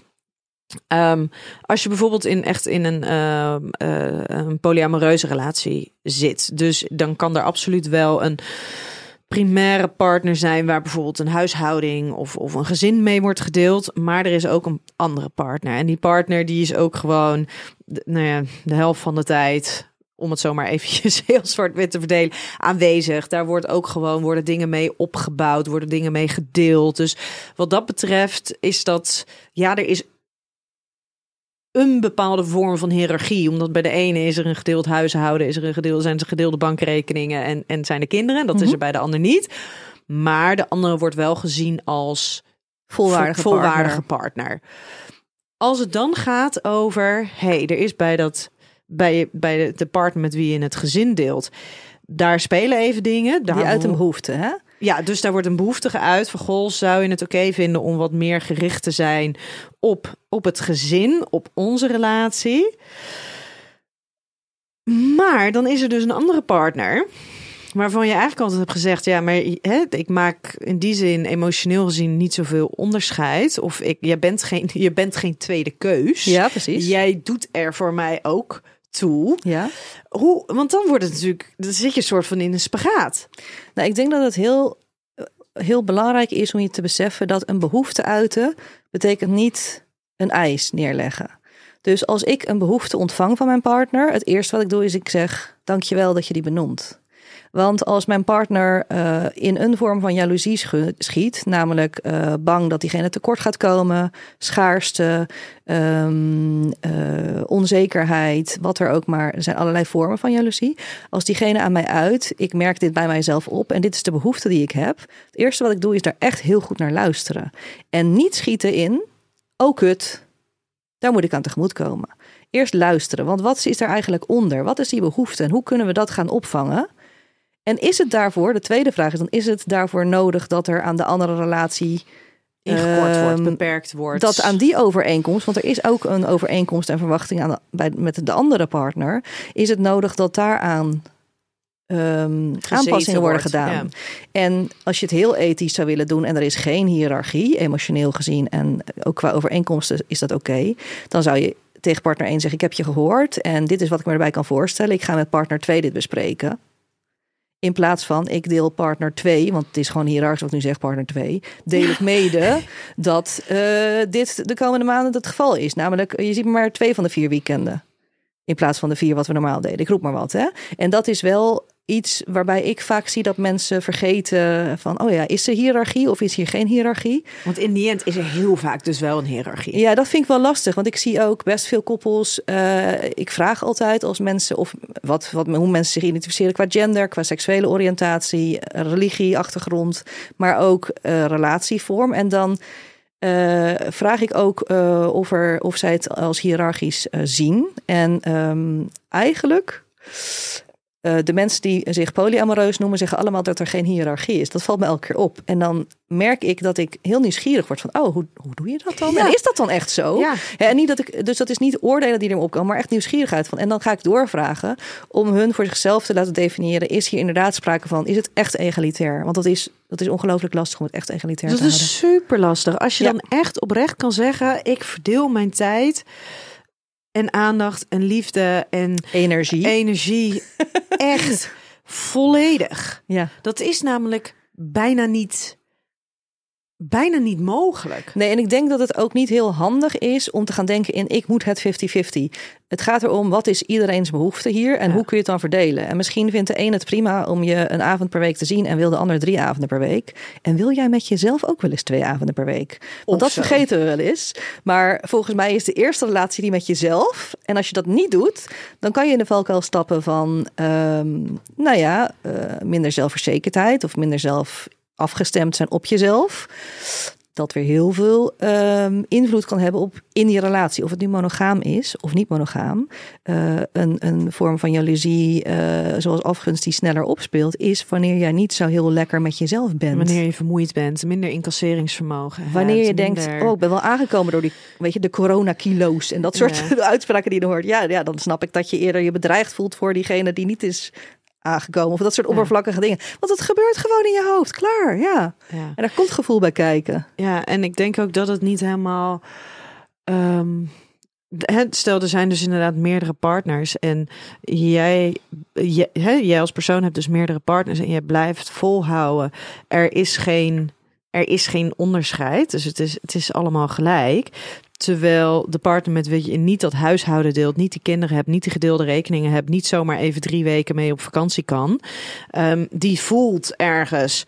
Ja, maar er is dus wel een onderscheid, want wij hebben al die dingen niet en jullie hebben die dingen wel. Ja. Dan denk ik ook dat je diegene ehm, nou, niet helemaal, ja, ik weet niet of het serieus nemen of niet helemaal voelt of niet helemaal de, de ja, de, de, de credits geeft die diegene Ik denk als je Verdient. goed naar elkaar. Want dit, hoe je het nu, hè, hoor ik je nu hoor praten, is een soort van alsof degene in die V die we even voor ons zien, Ja. dat die de- degene is die de regie heeft en het overzicht moet houden. En deels is dat zo, maar deels is het ook zo dat we moeten niet de rol onderschatten van partner 2. Sorry dat ik hem je twee noem. Maar de andere partner, die ik liever niet tweede rang zou zetten. Maar de, de tweede partner die niet een nesting partner is, bijvoorbeeld, de andere partner. Daarbij, eh, ehm, als diegene, kijk, alles komt uiteindelijk neer op. Kan je goed voelen waar je behoefte aan hebt? Kan je dat uiten? Is er genoeg veiligheid in de relatie? Tijd en ruimte? Zijn er communicatieskills aanwezig? om- Nou, het lijkt naar de monogame relatie. Ja. ja, maar dat is ook zoiets, hè? Want we hebben het, hè, nu zoomen we inderdaad even in op het stukje eh polyamorie. Maar dat is natuurlijk voor heel veel mensen is dat een enorme ver van hun bed. Joh, show. ga lekker een keertje swingen of naar een of andere parenclub met z'n tweeën seks hebben waar de andere mensen bij zijn. Super kick, hartstikke leuk ingrediënt voor sommige mensen in hun relatie. Waardoor je weer even helemaal die spark voelt van woe. Nou, Of waartoe je heel hard doet besluiten om lekker monogaam te zijn. ja, waarbij je denkt, hier ben ik drie kwartier. Ik zie van alles waar ik ongemakkelijk van word. Ik ga weer naar huis. Helemaal prima, weet je dat ook weer? Oh, maar dat vind ik eigenlijk ook altijd wel grappig en ook wel fijn. Want als je het, weet je, het gaat gewoon over het maken van een bewuste keus voor je relatie. Over de relatievorm die je hebt. En dat je niet als vanzelfsprekend in een monogame relatie rolt. Terwijl je eigenlijk misschien wel andere behoeften hebt. En dat hoeft niet gelijk behoefte te hebben naar twee of drie verschillende partners. Maar dat kan alleen al de behoefte zijn om, ehm, nou ja, de, de- gewoon om wat meer vrijheid te ervaren in de contacten die je aangaat met andere mensen die je ontmoet. En Ja. niet continu het gevoel te hebben dat je daar enorm in, in belemmerd wordt. En, en, en Ja. daar enorme restricties zijn. En dat als je je daar niet aan houdt, dat dat desastreuze gevolgen heeft voor je relatie. Mhm. En dat je daarmee gelijk je partner kwetst. Want dat is zo, weet je, dat is dan zo fragiel. Want je bewegingsruimte wordt dan zo. Ja, maar als je dus, stel je hebt twee partners en het is volledig egalitair. Denk niet dat dat dan niet meer plaatsvindt. Nee, maar dat gebeurt ook, want je komt nog steeds mensen tegen. Exact. En dat is goed om even te benoemen. Ja. Omdat soms denken we, oh ja, dan, dan hebben ze het helemaal voor elkaar. Want met Want dan twee zijn ze partners, helemaal verzadigd. dan zijn we precies verzadigd. Dat, ja. Maar dan kon je nog steeds mensen tegenkomen waarvan je denkt: hey, dit is een interessant figuur. En er kunnen nog steeds mensen zijn die gevoelens en dingen bij jou oproepen. Precies. Dat, dat, dat, ik denk dat dat heel menselijk is. En En om ook even een misvatting over non-monogame mensen van tafel te vegen. Het betekent dus niet als je van je partner de vrijheid hebt om te voelen wat er te voelen valt, dat je daar dan altijd wat mee doet. Ja, dus als je eh, met je partner een vorm van non-monogamie afspreekt, betekent het niet dat je bij iedereen waarvan je denkt, oh, mooie kont of leuke klik, diepgaand gesprek, dat je daar dan mee gaat staan tongen. Of mee naar huis neemt, of wat dan ook. Het is, je mag het voelen en je mag het zelfs misschien wel delen met je partner. Je hoeft het niet te verbergen. En dat kan zelfs binnen een monogame relatie. Exact. Want dat vind ik, dat heb ik altijd zo ervaren. Ehm, je bent mens, je voelt dingen, je neemt dingen waar. Je hebt af en toe een gesprek dat je met iemand voert en dat je denkt: Wow, dit was fijn. En een vorm van non-monogamie is de term monogamish. Dat is een term van Dan Savage. Ehm, en monogamish, eh, ken je die term of niet? Ja, ja, ja, ja, ja. Nou, dat is ook leuk denk ik om even in de mix te gooien. Hè? Want het kan ook dat je in principe een, hè, een eh, monogame relatie hebt, maar een paar dingetjes mag wel met een ander. Dat is wat anders dan echt open relateren misschien. Hè? Het, is, eh, het ligt maar welke, welke Definitie titel je daar gebruikt. Precies, welke Ja. titel je het geeft, welke label je aan de hand. Want als Maar- jij één keer in de vier, vijf jaar een keer met een ander zoent, of Ja. een keer een connectie met iemand voelt, hoef je het nog niet gelijk te labelen als zijn een open relatie. Dan kan je nog steeds een hele monogame relatie hebben. Ja, maar het kan dus zijn dat bijvoorbeeld monog monogamish eh, slaat op. ehm, voor de buitenwereld eh, ziet het eruit als een monogame relatie. Maar je mag bijvoorbeeld wel, stel je vindt bepaalde dingen van, eh ik roep maar wat BDSM leuk. Hè? Dus stel je houdt van, ehm roep eens wat bondage of zo. Jouw partner kan dat niet, is er ook niet in geïnteresseerd. Maar staat jou wel toe om dat met iemand anders te doen. Waarbij dat helemaal niet seksueel hoeft te zijn. Waarbij dat is, je houdt misschien wel gewoon kleren aan. Weet je wel, dat hoeft ook niet eens naakt te zijn. Maar het is wel een vorm van intimiteit met aanraking delen met een ander. Is dat dan meteen een open relatie? Kan je een open relatie noemen? Is dat monogamish? Kan je ook zo noemen? Et cetera. Dus het is wederom Uh, uiteindelijk gaat het om hoe geef je invulling aan je relatie. En de, labels zijn volgens mij secundair. Nou, dat denk ik absoluut. Ik denk dat absoluut de labels secundair gaan en zijn. En dat het veel meer gaat over de inhoud. Hoe vul je het dan in? Maar wat ik dus heel erg mooi vind, is dus stellen die dus eigenlijk denken: het gras bij de buren is groener. Of uh, hey, iedereen die heeft het ineens over non-monogame relaties of meer vrijheden. Dus wij gaan dat ook proberen. En die juist door hun ervaringen daarin er bewust voor kiezen. En ik vind dat zo fijn als ze gewoon bewust de keuze maken. hey, wat wij eigenlijk willen, is gewoon in een monogame relatie zitten. Ja, en kijk uit wat je zegt. Je zegt gewoon in een monogame relatie zitten. En waarom zeg ik dat? Ik zeg dat zelf ook heel vaak. Dit is de waarden die erin worden gegoten, generatie op generatie. En mhm. daar had ik ook een, een, rijtje van opgeschreven. Een soort van, van bijvoorbeeld liefde is uh, um, liefde en aandacht is eindig. En, en je kan maar op één persoon tegelijk echt verliefd zijn of daar een band mee aangaan. Dat soort dingen waarvan we heel veel van ons al hebben uh, proefondervindelijk vast kunnen stellen dat dat niet zo is. Maar ook het, het woord gewoon gebruiken we niet voor polyamorie. Ik zeg, nou ja, ik ben gewoon poly. Want monogamie, nee, dat is interessant, hè? Ja, dat is. Ik betrap mezelf er ook vaak op wanneer ik het woord gewoon gebruik. Oh, maar dan doe je gewoon dit en dat. En denk ik gewoon. Oh, wauw. Hey. Ja, maar dus inderdaad, maar reef specifiek naar dit, want ik snap, ik hoor heel goed wat je zegt inderdaad, maar refereren naar dit voorbeeld, voor hen was die monogame relatie precies. gewoon, dat was hun. Maar voor iedereen die nu polyamoreus is, dat zou toch heerlijk zijn? Was oh dat ook het gewoon? Ik ben gewoon poly. Ja. Ja, ja en, um, ik vind het zo grappig. wat je, daar vind ik ook altijd een beetje ingewikkeld. Dat, um, en dat is wel iets, als ik dan ook met cliënten spreek, die bijvoorbeeld een polyamoreuze relatie hebben.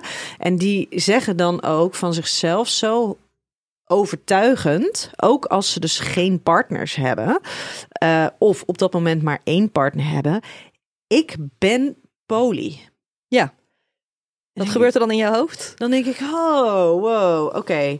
Dus ja, jij gaat een relatie, jij hebt een relatie of gaat een relatie aan met, maar jij bent dus altijd vanuit je overtuiging, ik ben poly. En sommige, en het ligt natuurlijk een beetje aan hoe ze wat definiëren, hè? maar ze zitten er wel soms bij die zeggen, ik wil me niet aan één partner binnen. En dan denk ik, ja, maar polyamoreus zijn is toch niet een soort van iets principieels. Ik denk dat het prachtig is dat als jij meerdere mensen tegenkomt aan wie jij je wil binden, dat en dat dat kan en dat mag, maar dat het soort van organisch ontstaat. Um, dat dat, eh, ja, dat, dat... Ik, ik, ik eh, snap waar je naartoe wil, denk ik. En ik vind het wel interessant om een vergelijking te, te stellen, bijvoorbeeld met seksuele oriëntatie. Dus stel er is iemand en uh, bijvoorbeeld een, uh, weet ik veel, een vrouw die, uh, die ontdekt in haar twintig jaren, ik ehm, val niet alleen op mannen, ik voel me ook seksueel aangetrokken tot vrouwen. Dus dan komt er een moment van, nou, onderzoeken. En misschien een moment waarop diegene zegt, ik identificeer me nu als biseksueel kan dat diegene daarna een relatie krijgt weer met een man en daarmee kinderen krijgt en helemaal geen seks meer heeft met andere vrouwen. Um, maar en ben je dan nog biseksueel of heet je dan ineens hetero? En eh, dat is een interessante vraag. Uh, en, en ik denk dat dat ook kan gelden voor wat jij net zegt. Dus je kan je hele leven poly zijn, namelijk in staat zijn van meerdere mensen te houden en daar helemaal voor openstaan als dat op je pad komt. En feitelijk in het dagelijks leven een monogame relatie leven. Maar het een sluit elkaar dan niet uit. Um, dus ja, het is ook inderdaad uh, hoe jij uh, voelt dat jij in elkaar steekt. En er is ook nog een practice, dat, de, de identiteit van solo poly. Dat zijn mensen die dus wel meerdere ehm, emotionele en seksuele banden met mensen aangaan. Dus polyamorie. Maar in, die zeggen mijn eerste relatie is die met mijzelf. Dus de solo Um, dat zijn mensen die dus ja, verbindenis met meerdere mensen aangaan, maar eigenlijk bijvoorbeeld uit, niet iedereen, maar bijvoorbeeld uitsluiten dat ze met mensen gaan laten, uh, sorry, gaan we samenwonen. Dus iedereen blijft latpartner.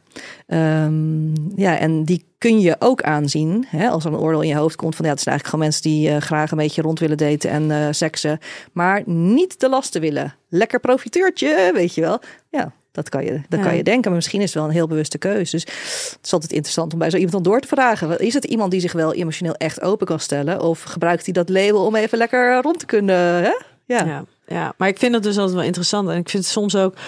Um, ik had laatst ook iemand en die, die kreeg toen net een relatie met iemand. En die zat dus gelijk van ja, maar ik kan niet monogaam zijn. Ehm, en dan gaat er, er gebeurt er dus inderdaad ook komen er eh, vanuit nieuwsgierigheid en komen allemaal vragen in me op. En denk je, ja, maar zelfs al zit je in een, eh, in, in een polyrelatie, dan is een dan, dan kan je ook monogaam zijn. Dus het hele concept van het, het idee, de aanname, de overtuiging, ik kan niet monogaam zijn. Ja, maar identiteit versus gedrag, hè, dat zijn twee verschillende dingen. Ja, maar dan lijkt het een soort van, ik, ik, ik, ik gooi dit op als, dit is mijn, nou ja, ehm, met toestemming vreemd gaan. Dit is mijn, ja, ik ga deze verbinding nu aan met jou, maar je moet vooral niet denken dat ik nooit naar anderen zal kijken of nooit met anderen iets ga doen. Terwijl Ja, hoe, zeker hoe ik je- het hoor is dat de, deze persoon niet ehm, in staat is om dit als behoefte te benoemen en onderdeel proberen te maken van nee zeggen dit is voor mij belangrijk om onderdeel te maken van deze relatieovereenkomst, maar zegt dit is voor mij een ondergrens of hoe je het maar wil noemen, dit is voor mij nodig om met jou in een relatie te kunnen gaan. Daarbij heeft de ander dan alle autonomie over diens eigen leven om te zeggen: dit is een overeenkomst waar ik wel of niet in wil stappen. En dat zijn de ontzettende rotkruispunten op ons leven, waarop we moeten besluiten of we met iemand waarvan we heel veel houden of heel veel gevoel voor hebben, wel of niet door willen gaan of echt willen opstarten nadat we twee maanden verliefd zijn. ja, En dat zijn echt rotge kruispunten. ja. Maar niemand kan zeggen: dit is hoe het is en dit heb je te slikken. Je, eh, als je het straight zegt, dan kan de ander zeggen: "De- helemaal niet. Want het is gewoon niet zo. Het is een, blijft een overeenkomst. Het blijft afstemming. Komen we weer terug op die. En, Ja, dus het- je moet, je moet uiteindelijk. En dat is denk ik het lastig in elke relatie. Die fucking compromissen sluiten. ja. En dat ja, hoort er je- gewoon bij. Ja, terwijl ik heb daar heel veel moeite mee met compromissen sluiten. Ja? Ja, met, met zeker ook, want of Wie niet hoor. Ik Ja, bedoel, of soort van dan hoor je, ja, ik moet toch een beetje concessies doen. Dan denk ik, oeh, weet je, dit is zo. Zeker als het gaat over het aangaan van seksuele en intieme relaties met een ander. Weet je, als je het over, je het, over het eten hebt, over vakanties, ja, daar kan je concessies doen. Maar over zo, zo iets menselijks, zoiets. ehm Nee, ik snap waar je heen wil. En, en er, er zijn altijd grenzen aan in hoeveel je kan compromissen. Dus als je Ja. allebei echt naar elkaar kan luisteren, dat is de belangrijkste relatieskill waar ik al mijn koppels mee help. Luister. Er is geen ruzie als je luistert, maar als je alleen maar blijft monologen, blijft er maar ruzie zijn. Als je echt luistert naar de ander en diens behoeften, en diegene is ook in staat om die te voelen en te benoemen, dan is het een kwestie van dit zijn mijn behoeften, dat zijn de jouwe. Hoe gaan we deze puzzel leggen? Samen. Geen van de twee is daarvoor verantwoordelijk. En eh, het woord concessie doen, snap ik. Dat heeft echt wel een, een smaak van de een moet zich wegcijferen voor de ander. Je kunt ervoor kiezen om zo te relateren. Ik denk dat je op de lange termijn de band met jezelf dan zo verzwakt dat je dus misschien je heel onzeker gaat voelen of afhankelijk eh, simpelweg van niet gelukkig bent. ja, je wordt niet gelukkig omdat je afhankelijk bent voor, eh, eh, hoe zeg je dat, bevestiging van een ander. En, en dat op de lange termijn, ja, dan ga je ongelukkig dood inderdaad. Ja. Dus dat is de kunst. En soms betekent dat nogmaals dat je op een kruispunt komt dat super pijnlijk is. Ja. En dat super pijnlijke kruispunt kan betekenen dat wel een van de twee zegt: Ik vind de relatie met jou zo belangrijk dat ik je iets laat schieten. Ja, Ik, ik, wil, ik heb ook wel eens een concessie gedaan van iets, eh, iets niet doen wat ik eigenlijk heel graag had gewild. Wat voor mijn partner gewoon echt wat ging opleveren. En dan dacht ik, ja, is dit, nou, eh, doet dit breuk, eh, afbreuk aan de, de relatie met mezelf en aan mezelf trouw zijn? Dat is een vraag die ik mezelf dan kan stellen. Dus van nee, als ik mijn partner dit gun en een bewuste keuze hierin maak, dit wil ik doen. En dan zeg ik erbij, dit doe ik een keer. Ja, maar dan Hier gaan we geen als- gewoonte van maken, maar dit wil ik wel een keer voor je doen. Precies, maar dan hou je als het ware wel regie over de situatie. En is het geen... Nou Zou het- nee, regie over de situatie denk ik niet. Maar wel over mijn eh, autonomie van mijn eigen, de band met mijzelf. De, Ja. Goed voor mezelf blijven zorgen. Hè? Dat. En blijven afstemmen Ja, op jezelf. Ook met jezelf, precies. Ja. Ja. Hey, ehm, ik heb ook nog even een, een, een aantal eh, eh, stellingen die Oh, jee. we ook nog even moeten langslopen. Voordat, dus we gaan daar proberen een beetje, een beetje snel doorheen te lopen, gezien de tijd. Ehm, de kracht van een monogame relatie wordt onderschat. Denk dat het ligt aan welk milieu je in begeeft, of je het daarmee eens bent of niet. Ehm, ik heb niet de indruk. Ehm, maar ik denk dat wat, waar we het in het begin over hadden, eh, de bewuste keuze maken, maakt dat een relatievorm, ook monogamie, dus heel veel kracht heeft. Uh, als het niet een bewuste keuze is, maar dit is hoe het hoort. En ik, ik ga op de relatieroltrap, zoals het heet. Van eerst komt er een labrador en dan komt er een kat en dan komt er een baby. En dan, uh, weet je wel, samenwonen trouwen, een hele rambam. Ja, als je op die manier een monogame relatie doet zonder echt vragen bij te stellen, denk ik dat het niet zoveel kracht heeft. Maar ik denk dat elke relatievorm heel veel kracht kan hebben. Ja. Het hebben van een non-monogame relatie opent een heel nieuw palet aan gevoelens en lagen van jezelf. Holy shit, ja. Wat er gebeurt, denk ik. In monogame relaties worden een heleboel gesprekken wel gevoerd, maar ook een heleboel niet gevoerd, omdat die op dat moment niet noodzakelijk zijn. Namelijk, waar ben ik echt bang voor in deze relatie? Wanneer word ik angstig? Wanneer word ik onzeker? Wat heb ik eigenlijk van jou nodig? Wat heb jij eigenlijk van mij nodig? Uh, wat zijn voor ons de risico's qua behoeften waar we misschien niet aansluiten?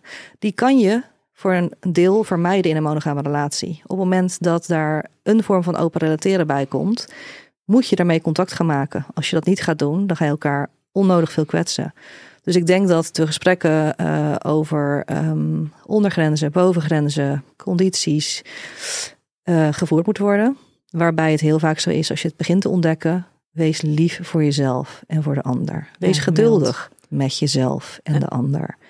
Vertraag. Echt inchecken bij wat klopt op dit moment. En inderdaad, net als de consent, deze is een mooi consentfilmpje van uh, een kopje thee drinken. Mhm. Waarbij ja. je gaat mee naar huis voor dat kopje thee. Als het toch niet smaakt, gaan we weg. Het voorbeeld van de paardenclub was er ook een. Hè? Uh, dus niet van ja, uh, goh, Nienke, wil je met me mee naar de paardenclub? Ja, leuk, gaan we even lekker uh, van, van, van Bill. En als we daar zijn, voelt het toch niet goed? Dan is dat gewoon nee. Um, dus geef elkaar daarin de ruimte en jezelf voor ook de ruimte om echt trouw te blijven aan wat er op het moment klopt. Ja, en tegelijkertijd um, sommige gevoelens te verdragen als die in je opkomen en te onderzoeken. En daar zit dus ook een stukje vertragen in. En niet altijd primair reageren vanuit dat gevoel. Absoluut niet, maar dat geldt voor ook voor een monogame relatie. Dus het geldt voor elke relatie. Ja, alleen waarschijnlijk is denk de het um, dat dat de gevoelens soms wat heftiger of onverwachter kunnen komen. Kan, maar kan, kan. Als we er allerlei verhalen op gaan projecteren. Uh, maar als je partner laat thuis komt van werk drie keer per week, dan kan je daar hartstikke zo greinig van worden. Uh, en daarbij kan je ervaren dat je schaarste hebt in deze relatie, dat het karig is. Uh, kan inderdaad zo zijn dat als je partner een aantal keer een date heeft en daarvan laat terugkomt, dat je ook denkt dit is karig en in je lijf hetzelfde voelt. Maar kan je verzekeren bij de meeste mensen als dan het verhaal opkomt, want diegene had het heel leuk met een ander. Ik, ik heb een hele een leuke quote even meegenomen, ook over jaloezie. Die wil ik even voorlezen. Mm -hmm. Jealousy is all the fun you think they had. Ja, het gaat over Dus als je je partner niet van werk laat thuiskomt, maar van een date, dan gaat het in je hoofd, zou zomaar kunnen, gebeurt bij veel mensen. Dat was vast hartstikke leuk, leuker dan met de, wij hebben altijd een tijd ja. niet zo'n leuke date gehad, et cetera, En dan komen er heel veel heftigere primaire gevoelens boosheid, woede, afgunst, uh, verraden voelen, je alleen voelen. Dus Durf je dat echt te voelen? Het gaat eigenlijk over de interpretatie van het eh, interpretatie van het gedrag van de ander of interpretatie van je eigen gevoel, de, de invulling daarvan. De verhalen die opkomen in een situatie. Ja, bijna een beetje zoals um, uh, uh, Brene Brown zegt, the story we tell ourselves. Want inderdaad, als je partner drie keer in de week laat van werk afkomt, dan je weet, oh, je partner komt, heeft tot laat gewerkt. Punt. Weet je, die zal ook vermoeid zijn. Die, zal, uh, die heeft in ieder geval niet heel leuk gehad. Terwijl is het drie keer van een avondje uit met iemand anders. Oh, dan de story we tell ourselves. Oh, ze hebben het vast heel leuk gehad. En ik zat hier in mijn eentje. En zielig ik, ja. et cetera. Waarbij dat ook hè, de andere kant op kan gaan. Er zijn ook genoeg mensen die echt wel een goede overeenkomst hebben en zich veilig voelen in hun primaire relatie als er hiërarchie is. Uh, waarbij je kan uh, zeggen van nou, mijn partner komt thuis van een date laat. En dan voel je een sprongetje in je hart en zeg je, heb je het leuk gehad? Oh, vertel er eens wat over. Dat je nog lekker even samen op de bank gaat zitten en er naar luistert. Ja. En er is ook een term voor, compersion. Dus dat betekent dat jij kan voelen, dat je echt vreugde kan voelen en, en plezier en, en, en warme gevoelens kan hebben bij dat jouw partner het fijn heeft ja. gehad met een ander. Ja. Of heeft met een ander. En dat uh, is denk ik, uh, ja, dat gaat sommige mensen makkelijk af en een heleboel niet. En daarvoor moet je je echt veilig genoeg voelen.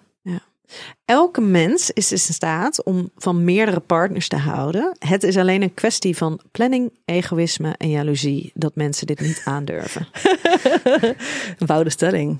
Al, niet, niet alles daarvan is waar. Nee. Want? Ja, je zegt eigenlijk zoveel in die stelling. Om dat helemaal uit te pakken zou best lang duren. Maar ik het eerste wat er weer in me, in me, in me schiet. eh, Als je dat zo voorleest. Is ja, een basisingrediënt is, is veiligheid. Om me voor een ander open te stellen. Moet ik me veilig genoeg voelen. Kan dat? Want- Wat, wil je het nog even? Want er zijn zoveel componenten in je stelling. Ja, ik zei, eh, elk mens is in staat om van meerdere partners te houden. Daar kunnen we het. Daar, daar kunnen we er ook op houden. Ja. Eh, maar vervolgens is dus. Het Daar, is ja. ja.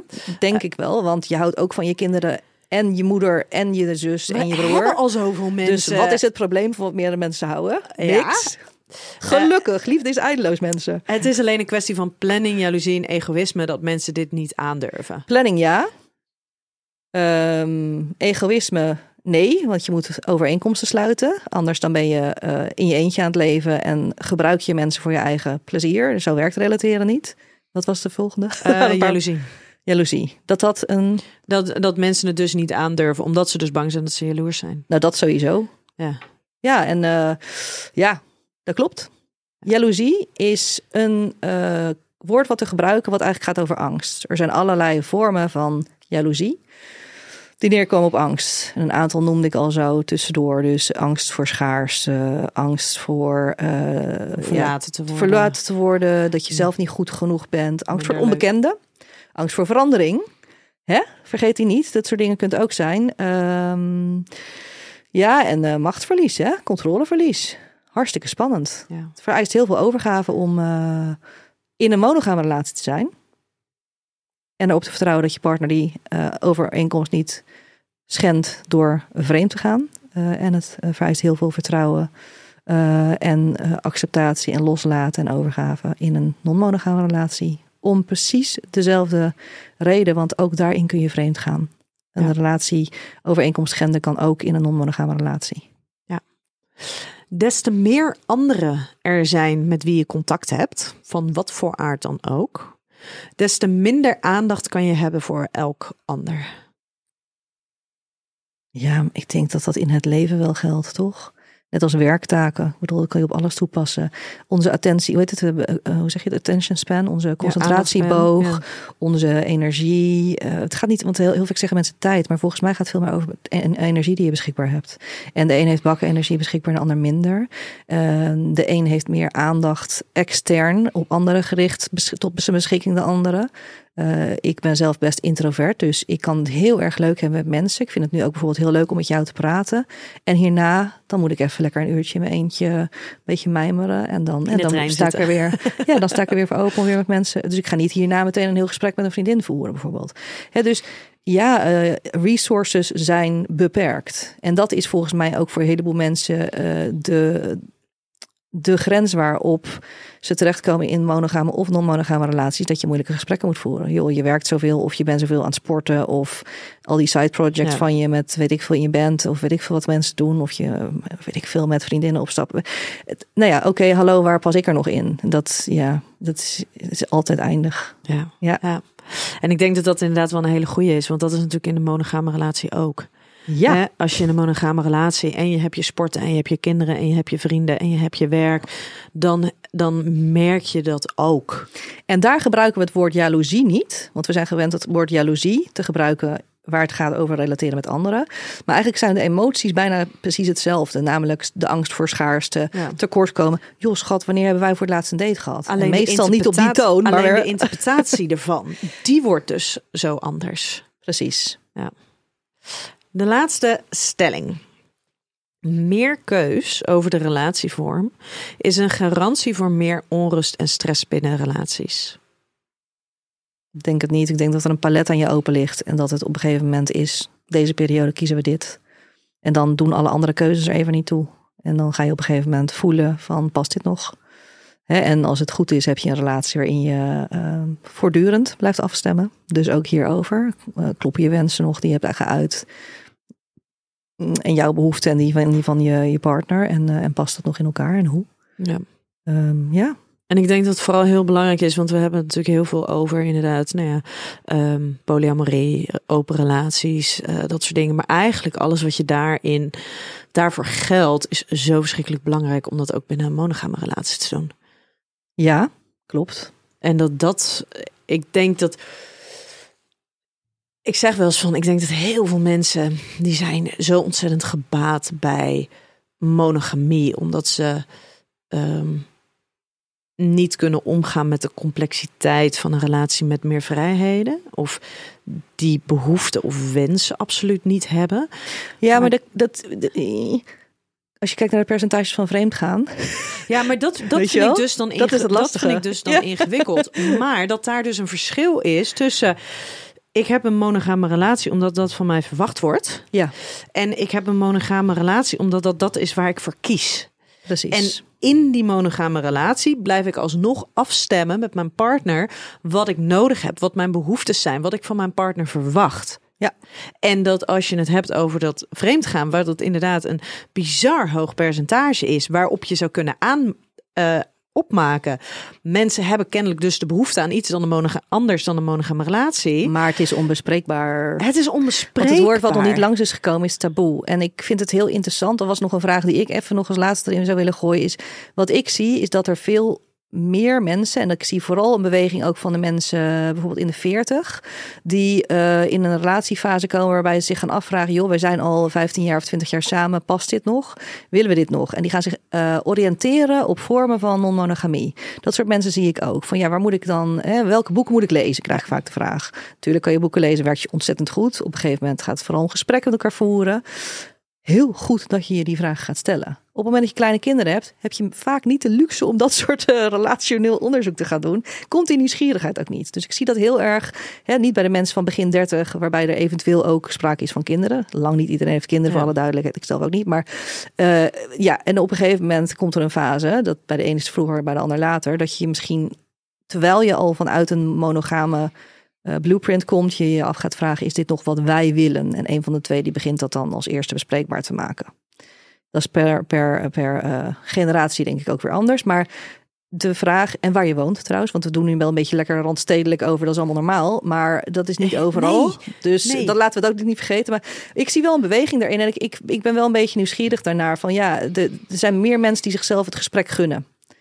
En ik zeg gun omdat ik het hartstikke leuk vind dat mensen het in ieder geval met elkaar bespreken. Ook al blijf je lekker monogaam. Leuk dat je het erover hebt samen. Hé, wat zijn Het kunnen ook verlangens? fantasieën zijn. Ja, Het precies. kunnen ook in je fantasieën, de seksuele fantasieën die je vervolgens binnen je monogame relatie Absoluut. tot uiting laat komen en inzet. Absoluut. Ja, Ja, en ik, maar ik, ik ben wel, ik vind het wel interessant dat de tijdsgeest of zo ruimte geeft, blijkbaar nu om daar vragen over te stellen. En ik zie dat echt ehm, de afgelopen drie, vier jaar echt wel heel erg toenemen. ja, en daar zit natuurlijk ook zijn veel meer mensen die, die gaan veel meer in eh, verbinding met zichzelf. Die gaan veel meer zoeken, hé, maar wie ben ik en wat heb ik nodig om gelukkig te worden? En ik heb het idee dat het, nou ja, eigenlijk een beetje het, ja, ik ben nou eenmaal moeder, dus ik, hè, alles wat ik doe is in het teken van mijn kinderen en dit is wat er van mij verwacht, dat we daar veel minder genoegen mee nemen. En we willen meer, we willen meer uit het leven halen. Dus ehm, en dat heeft ook betrekking tot eh, op onze relatie en op onze partner. Ja, ik denk dat dat een beweging is. Ik denk dat dat bij alle, bij inderdaad bij alle geslachten is. Van de rol waar ik in zit, ehm, neem ik daar genoegen mee, is een insteek. Maar ook, hey, wat zie ik nog meer allemaal om me heen? Want ik denk dat dat is heel erg, het werkt heel erg als een olievlek volgens mij. Ja. Als je ermee in aanraking komt, dan ga je ineens vragen stellen. Hè, als je daar nog niet mee in aanraking bent gekomen, dan stel je daar ook geen vragen over volgens mij. Nee, en als jij inderdaad, wat je net zei, hè, we hebben het eigenlijk een beetje over een heel nou, randstedelijke de, de, de luxe dat daar, dat daar keuzes zijn, dat we, dat we daar veel meer. De keuze is er overal. Alleen de hoeveelheid schaamte en weerstand waarmee je te maken gaat krijgen op bepaalde plekken verschilt. En ja, dat heeft en ook te maken de met. informatie daarover. Want als jij inderdaad in een, in een boerendorp ehm, ergens, ergens, nou ja, en in, in het, eh, hoe noem je dat? Ehm, in de achterhoek opgroeit, waarbij je, je bent opgegroeid binnen een bepaald stramien, binnen een bepaalde gemeenschap. En dat is wat je kent, dan weet je dus ook niet helemaal wat de mogelijkheden Lang zijn. leven En- internet, though, hè? ja, maar toch, maar dan moet je wel ook naar de juiste Ja, bronnen. klopt. Het gaat om exposure. Weet je, dat gaat als je als je dan eh, weet je als je eens een keertje iets gaat opzoeken, je moet wel weten welke termen je moet gebruiken, naar welke plekken je moet. En Ja. er is een heel groot verschil eh, tussen of je in één keer op een hele soort van extreme website terechtkomt, waarbij er wordt aangemoedigd van iedereen moet iedere seks hebben met iedereen. Er is een heel groot verschil tussen het horen van een genuanceerd gesprek over verschillende relatievormen. Als je het alleen Wat al hebt hopelijk over, wij hier hebben. nou, maar als je het alleen al hebt over podcast. Wij hadden een aantal, geleden, eh, aantal jaar geleden, toen we hier dus mee begonnen. En dan waren er eh, vrienden van ons en die kwamen uit de omgeving Enschede. Die hadden nog nooit van een podcast gehoord. Die wisten niet wat een podcast was. Dus dan is het ook maar, wat is de beschikbaarheid aan kennis, aan media Ja. die er is? Absoluut. Ja. En eh, als eh non-monogamie zelfs in het AD verschijnt, wat wel eens gebeurt, dan, dan, eh, dan is het inderdaad dat mensen daar ook makkelijker mee in aanraking komen en over na gaan denken, denk Ja. ik. Ja, ja. Hey Marjolein, we moeten hem eh, gaan afronden. Ja. Ontzettend eh, bedankt dat jij hier wilde komen en dit eh, gesprek wilde voeren. Ik denk dat het gewoon heel goed is dat mensen bewuste keuzes gaan maken. En het een is niet beter dan een ander, eh, dan het ander. Ik denk wel dat het ene, ehm, nou ja, dat er verschillende mensen verschillende behoeftes hebben en verschillende, ehm, nou ja, ja, hoe zeg je dit? Ehm, dat het niet voor iedereen werkt soms ook wat ze graag zouden willen. En dat is misschien ook wel iets wat jij aan het begin zei. Soms wil je iets, maar betekent nog niet dat je er altijd naar hoeft te handelen. Of Ja. dat je iets wil en dat je denkt, ik weet niet zo goed hoe. Ehm, dus niet iedereen moet een andere relatievorm kiezen dan een monogame relatie.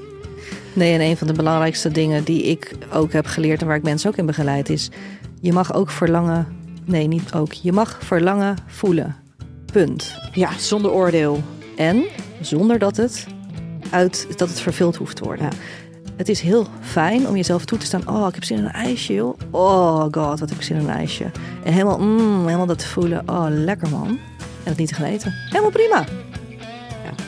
Kan je dat ook? Of moet er meteen inwilliging, weet je wel, komen? Dus ja. Nou, dankjewel hiervoor. Ja, En, jij eh, ook. Leuk gesprek, dankjewel. Lieve luisteraar, tot volgende keer bij een nieuwe aflevering van Seks, Relaties en Liefdes.